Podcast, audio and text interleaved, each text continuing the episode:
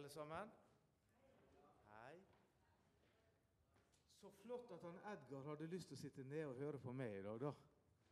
Hæ? Det var veldig bra, Edgar. Og så i dag, dere, så er her for, for første gang ei dame fra Filippinene. Hun sitter der borte. Hun er med, hun er med deg, Hildegard, ikke sant? Så papala inkanang jos. Det har jeg allerede sagt til deg. sier en gang til. Det betyr Gud velsigne deg på tagalog. Veldig kjekt å se deg. Så alle må hilse på henne etterpå. Ja. OK. I dag så er, skal jeg snakke om Elvira. Ja, jeg skal snakke om Elvira, eller Elvida. Det greske ordet for håp i Bibelen. Og navnet, Pikenavnet Elvira kommer faktisk fra det. Så hvis du heter Elvira Og det er kanskje ingen som heter Elvira her. Så betyr det egentlig bibelsk håp. Det er et fantastisk navn. Så neste gang Margaret føder, så skal jentebarnet hete Elvira.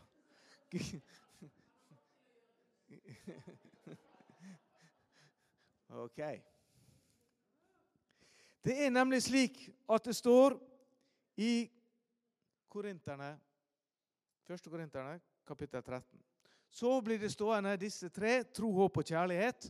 Og størst blant dem er kjærligheten. Og det vet vi. Wow! Kjærligheten er størst. Men som kristne så snakker vi også veldig mye om tro. Vi snakker kjempemye om tro, men vi snakker veldig mye mindre om håp. Og Når vi kristne snakker om kjærlighet, så tenker vi ja, ja, jeg er glad i det, og du er glad i meg. Og Det er mange ord for kjærlighet i Bibelen, men det ordet som er vanligst, er agape. Og det er Guds totale kjærlighet til mennesket. Guds utslettende kjærlighet er at han var villig til å gi sin egen sønn til å dø på oss for at vi skulle bli frelst. Det er agape. Og så har vi tro. Et ord for tro på gresk, det er pistos. Veldig rart ord. Det er tro, og det betyr egentlig å stole 100 på. Være helt sikker. Og så har vi ordet håp, som betyr forventning om noe mye bedre.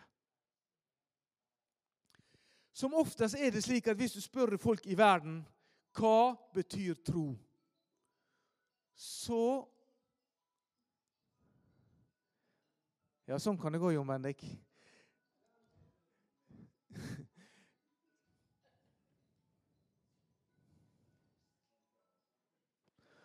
Jon Bendik hadde bedt til Gud, og hvis eh, han skulle få svar, så skulle Gud ringe han klokka ti over tolv. Ok. Eh, som oftest er det slik at når folk snakker om tro, så tenker de Jeg tror at kanskje. Jeg tror at bussen kanskje kommer klokka ti over tolv. Jeg tror at kanskje Peter syns jeg er en grei kar. Jeg tror at kanskje det finnes en Gud. Men når Bibelen snakker om tro, pistos, så er det faktisk å være helt sikker og vite. Så når vi snakker om tro,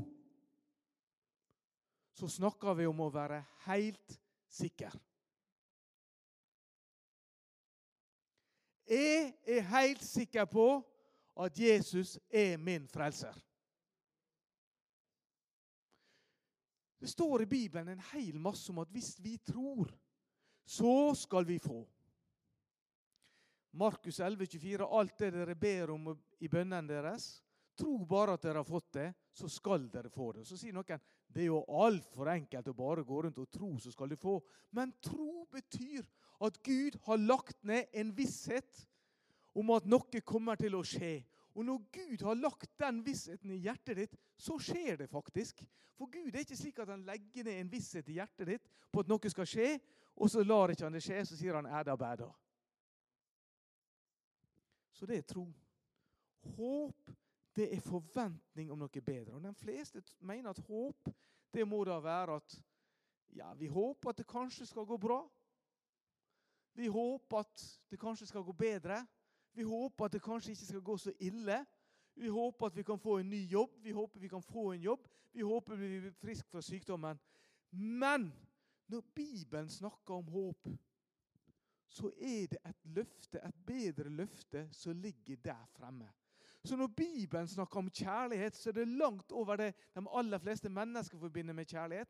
Og når Bibelen snakker om tro, så er det langt over det de aller fleste mennesker forbinder med tro. Og når Bibelen snakker om håp, så er det også mye større enn det vi mennesker blant eh, vanligvis tenker om håp.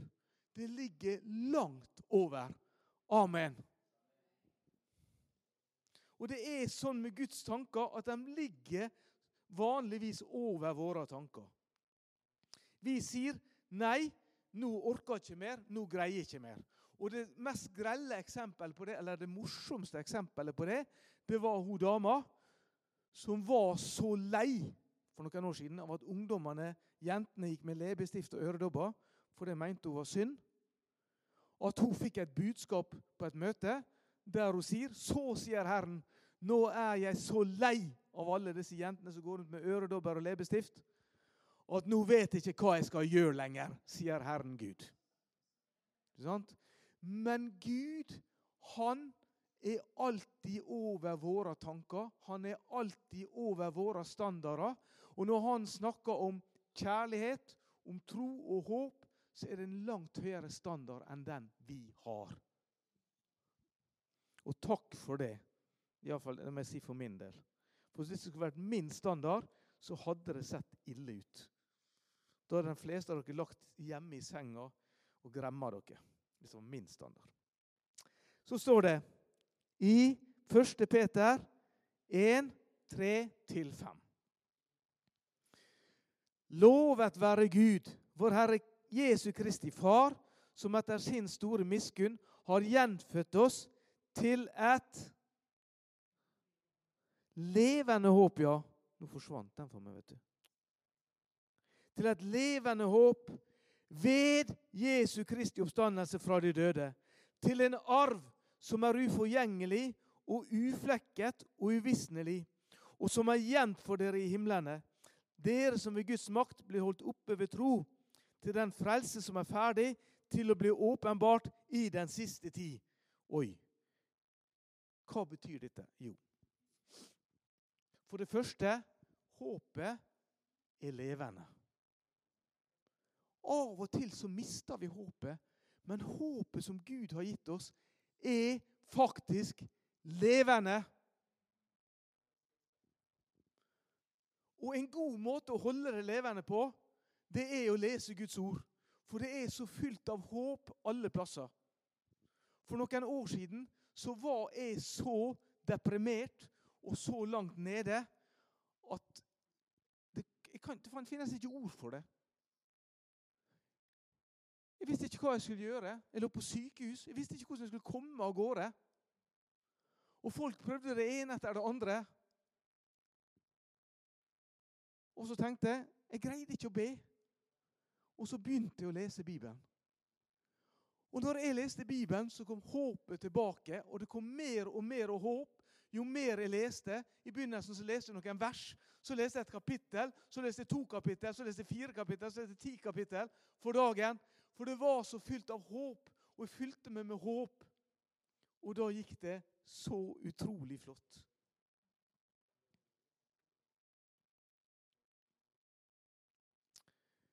Og det håpet har vi fått ved Jesu Kristi oppstandelse fra de døde. Det største energiøyeblikket i verdenshistorien. Det håpet skapte han for oss. Og så står det til en arv som vi er arvinger, som er uforgjengelig og uflekket og uvisnelig. Når jeg var ung, omtrent på deres alder, så var det mye litteratur, kristen litteratur. Det er det i dag òg. Men mye av den litteraturen var en, det jeg i dag nesten vil kalle spekulativ. Blant annet så var det ei bok som handla om hvordan man skulle vekke opp døde. Den boka heter Bibelen, men det var ikke den boka. Det var en annen bok med helt andre teorier enn det som står i Bibelen. Hvordan vi skulle vekke opp døde. Og Den var noen som leste, og når de hadde lest den boka og kunne alle de ti punktene, så kunne de gå bare på et gravsted og si 'stå opp', og så reiste folk seg opp og gikk. Hjemme i Ålesund så var det en flott kristen kar. Han var graver. Noen vet hva en graver er? Grave grav. Sant? Og om vinteren så er det litt vanskelig å grave ei grav i Norge fordi det teler jorda. Sant? I gamle dager så kunne ikke man begrave folk om vinteren for det var tele i jorda. Så på landet så la man faktisk lika i møkkakjelleren. Det høres rart ut, men det er sant. I Afrika så er det slik at man må grave, begrave folk med en gang, for hvis ikke så begynner de å råtne. Så akkurat motsatt av hva det var i Norge. Men han sto og hadde gravd ei grav tidlig en desember morgen. Og så plutselig så han en kjent, sto han ned i grava, og så så han en kjent mann som kom gående forbi. Han gikk snarveien fra busstoppet over gravstedet og opp til skolen der han jobba. videregående skolen der han jobba. Det var min onkel Harald. Og der sto han Gunnar ned i grava, og han så han noe Harald som gikk en kald desembermorgen. Bekmørkt, og frosten sto. Kom han gående forbi grava, og han Gunnar sto nedi. Og han Gunnar hadde en sånn å-røst. Og når han så noe Harald gikk forbi, så ropte han Hei, hei! Og vinka fra grava. Og med det resultatet at han onkel Harald sprang. Det forteste han kunne. Og han Gunnar sa 'Hvorfor er du redd? Det er jo bare meg'. Og Jeg vet ikke om onkel Harald da tenkte 'Hvem er det Gud, eller hvem er det?' Men han sprang iallfall. Men hør her. Det var nå det. Og så hadde vi lært at vi kunne gå til ei grav. Hadde jeg lest den boka, da hadde du kryssa av punkt og alt mulig. Så kunne du gå til grava, og så kunne du vekke opp døde. Men så hadde jeg en kamerat som ville gjøre det. Og Han kom hjem til oss fortalte han pappa at nå hadde han lært hvordan han skulle vekke opp døde. Så neste gang det kom et gravfølge, så skulle han gå bort til dem så skulle han si i Jesu Kristi navn, stå opp. Og så tenkte han pappa oi, det kan jo skje. Absolutt, det kan skje. Gud kan vekke opp døde. Men er, jeg har ikke opplevd det mange ganger, for å si det sånn. En sju-åtte ganger, men ikke mer enn det. Og, og så sa han pappa til han, men du, vet du hva? Tenk, det, det, er kanskje ikke lurt. For det kan hende de har delt arven seg imellom etterkommerne, og da blir det bare krangel hvis han her vender tilbake til, til livet. Så, så kanskje ikke du skal gjøre det. Og En predikant i Indremisjonen sa det så fint at hvis jeg dør, vær snill, ikke vekk meg opp igjen, for da er jeg hjemme hos Jesus, og der har jeg lyst til å være. Men OK, det var flott sagt. Men her står det at vi har fått en arv som er uforgjengelig, uflekka, uvisnelig, og som er glemt for dere i himlene. Gjemt for dere i himlene. Det er helt vanvittig. Det har vi fått. Det er håpet vi har fått dere. En arv som ligger der fremme i himmelen. Alt det du har i himmelen, det er ditt håp. Alt du har. Ja, hva har du i himmelen, da? Tenk over hva du har i himmelen. Har du sykdom? Nei. Har du betalingsproblemer? Nei, det er ingen som kommer og krever inn penger fra deg lenger. Wow! Hva har du himmelen? Du har en fantastisk skatt. Det håpet er våre håp, dere. Det kan ikke bli noe bedre håp. Det er ikke nødvendig å lage seg et bedre håp engang. For det kan ikke bli bedre. Av og til så lager vi oss kristnes håp. Og så står det For dere i himmelen er dere som ved Guds makt blir holdt oppe ved tro. Med andre ord håpet det når vi ved tro. Håpet, det er målet Gud har satt foran oss. Veien dit, det er tro. Og tro, det er å stole på Gud. Så kan vi ha mange andre håp som det står om i Bibelen. Helt fantastisk håp. Jeg skal lese litt. For i håpet er vi frelst, med et håp som en kan se. Men et håp som en kan se, er ikke lenger noe håp. Hvorfor skulle en håpe på det en allerede ser? Men dersom vi håper på det vi ikke ser, da lengter vi etter det med tålmodighet. Hva betyr det, da? Jo, det betyr at håpet vi har, det er en skatt som vi enda ikke har fått. Men vi vet at vi kan nå den skatten gjennom tro. Ved å tro på Gud. Og håpet gjør ikke til skamme Dette står Roman 8, 24. Og håpet gjør ikke til skamme, for Guds kjærlighet er utøst i våre hjerter ved Den hellige ånd, som er oss gitt. Romerne 5, 5. Loven førte jo ikke noe til fullkommenhet, men et bedre håp blir ført inn, og ved det kan vi nærme oss Gud. Så håpet, det Gud har lagt foran oss, det er det flotteste vi har. Ikke tenk at håpet er så mye mindre enn tro og kjærlighet. Håpet er kjempestort.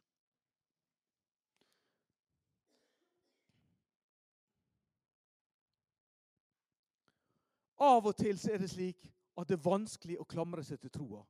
Tro er å vite, tro er å være sikker. Det er vanskelig å klamre seg til den troa. Da kan det være at du skal klamre deg til håpet. Det er målet som ligger foran deg. Av og til så går ikke det bra. Vi hadde et mål, vi hadde et håp, og så ser ikke det ut som det går den veien. Men Jeremias 29, 29,11.: For jeg vet de tanker For jeg vet de tanker jeg tenker om dere, sier Herren. Det er fredstanker og ikke tanker til ulykke. Jeg vil gi dere fremtid og håp. Jesaja 43, 1-2. Frykt ikke, jeg har gjenløst deg. Kalt deg ved navn, du er min. Når du går gjennom vann, er jeg med deg. Og gjennom elver skal, ikke, skal de ikke overskylle deg. Når du går gjennom ild, skal du ikke svies, og luen skal ikke brenne deg. Amen. Så hør her. Du kan gå frem på veien, og så kan det komme ting inn. Tenk på ungdommene, den kristne ungdommene i Klepp kommune. 20-25% av alt barne- og ungdomsarbeid i Klepp kommune er kristent.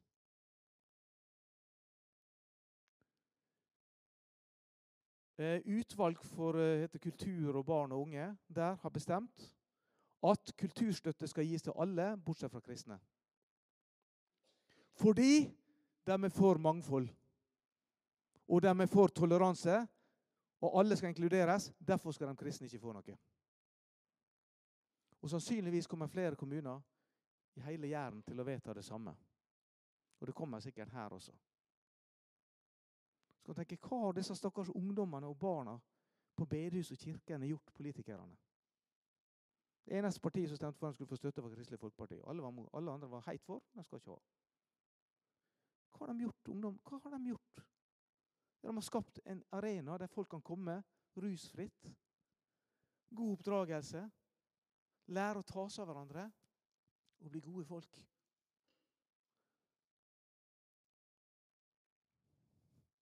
I Norge er det slik at kristne ungdommer blir mobba på skolen. 49% av alle ungdommer sier de blir mobba på skolen som er kristne.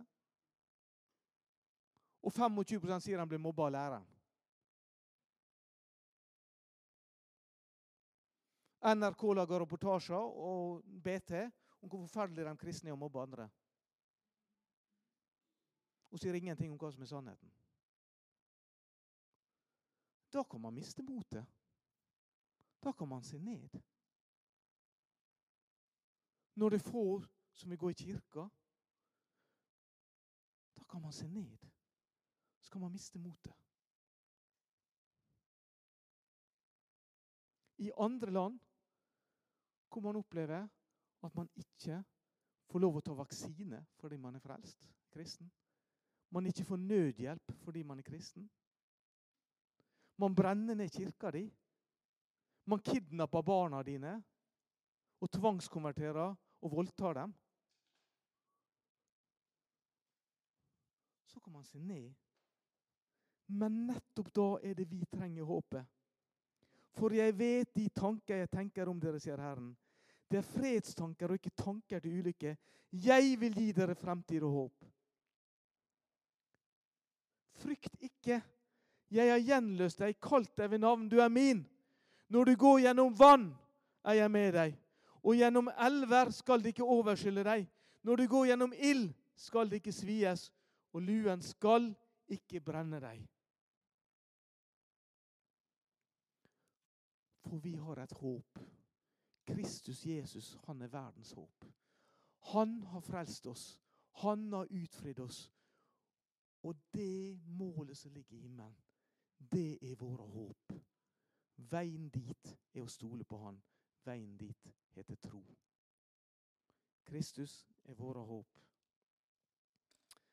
Himmelske Far, jeg takker deg for at du er Herre og du er Gud. Takk for du er større enn alle ting. Takk for det håpet vi har. Det er et herlighetshåp. Det er håpet i himmelen. Og om verden raser og skriker og hyler, så lever det håpet. Og vi skal ikke miste det av syne. Om vi står alene igjen, så er håpet der, for håpet er det beste. Håpet det er herlighet. Håpet er glede. Håp er tilgivelse. Håp er helbredelse. Håp er velsignelse. Og du har gitt oss alt det. For midt i alt dette så vinner vi mer enn seier ved du som har elska oss. Takk for seier. Takk for den herligheten det å følge deg. Takk for alt du gir oss. I Jesu navn. Amen.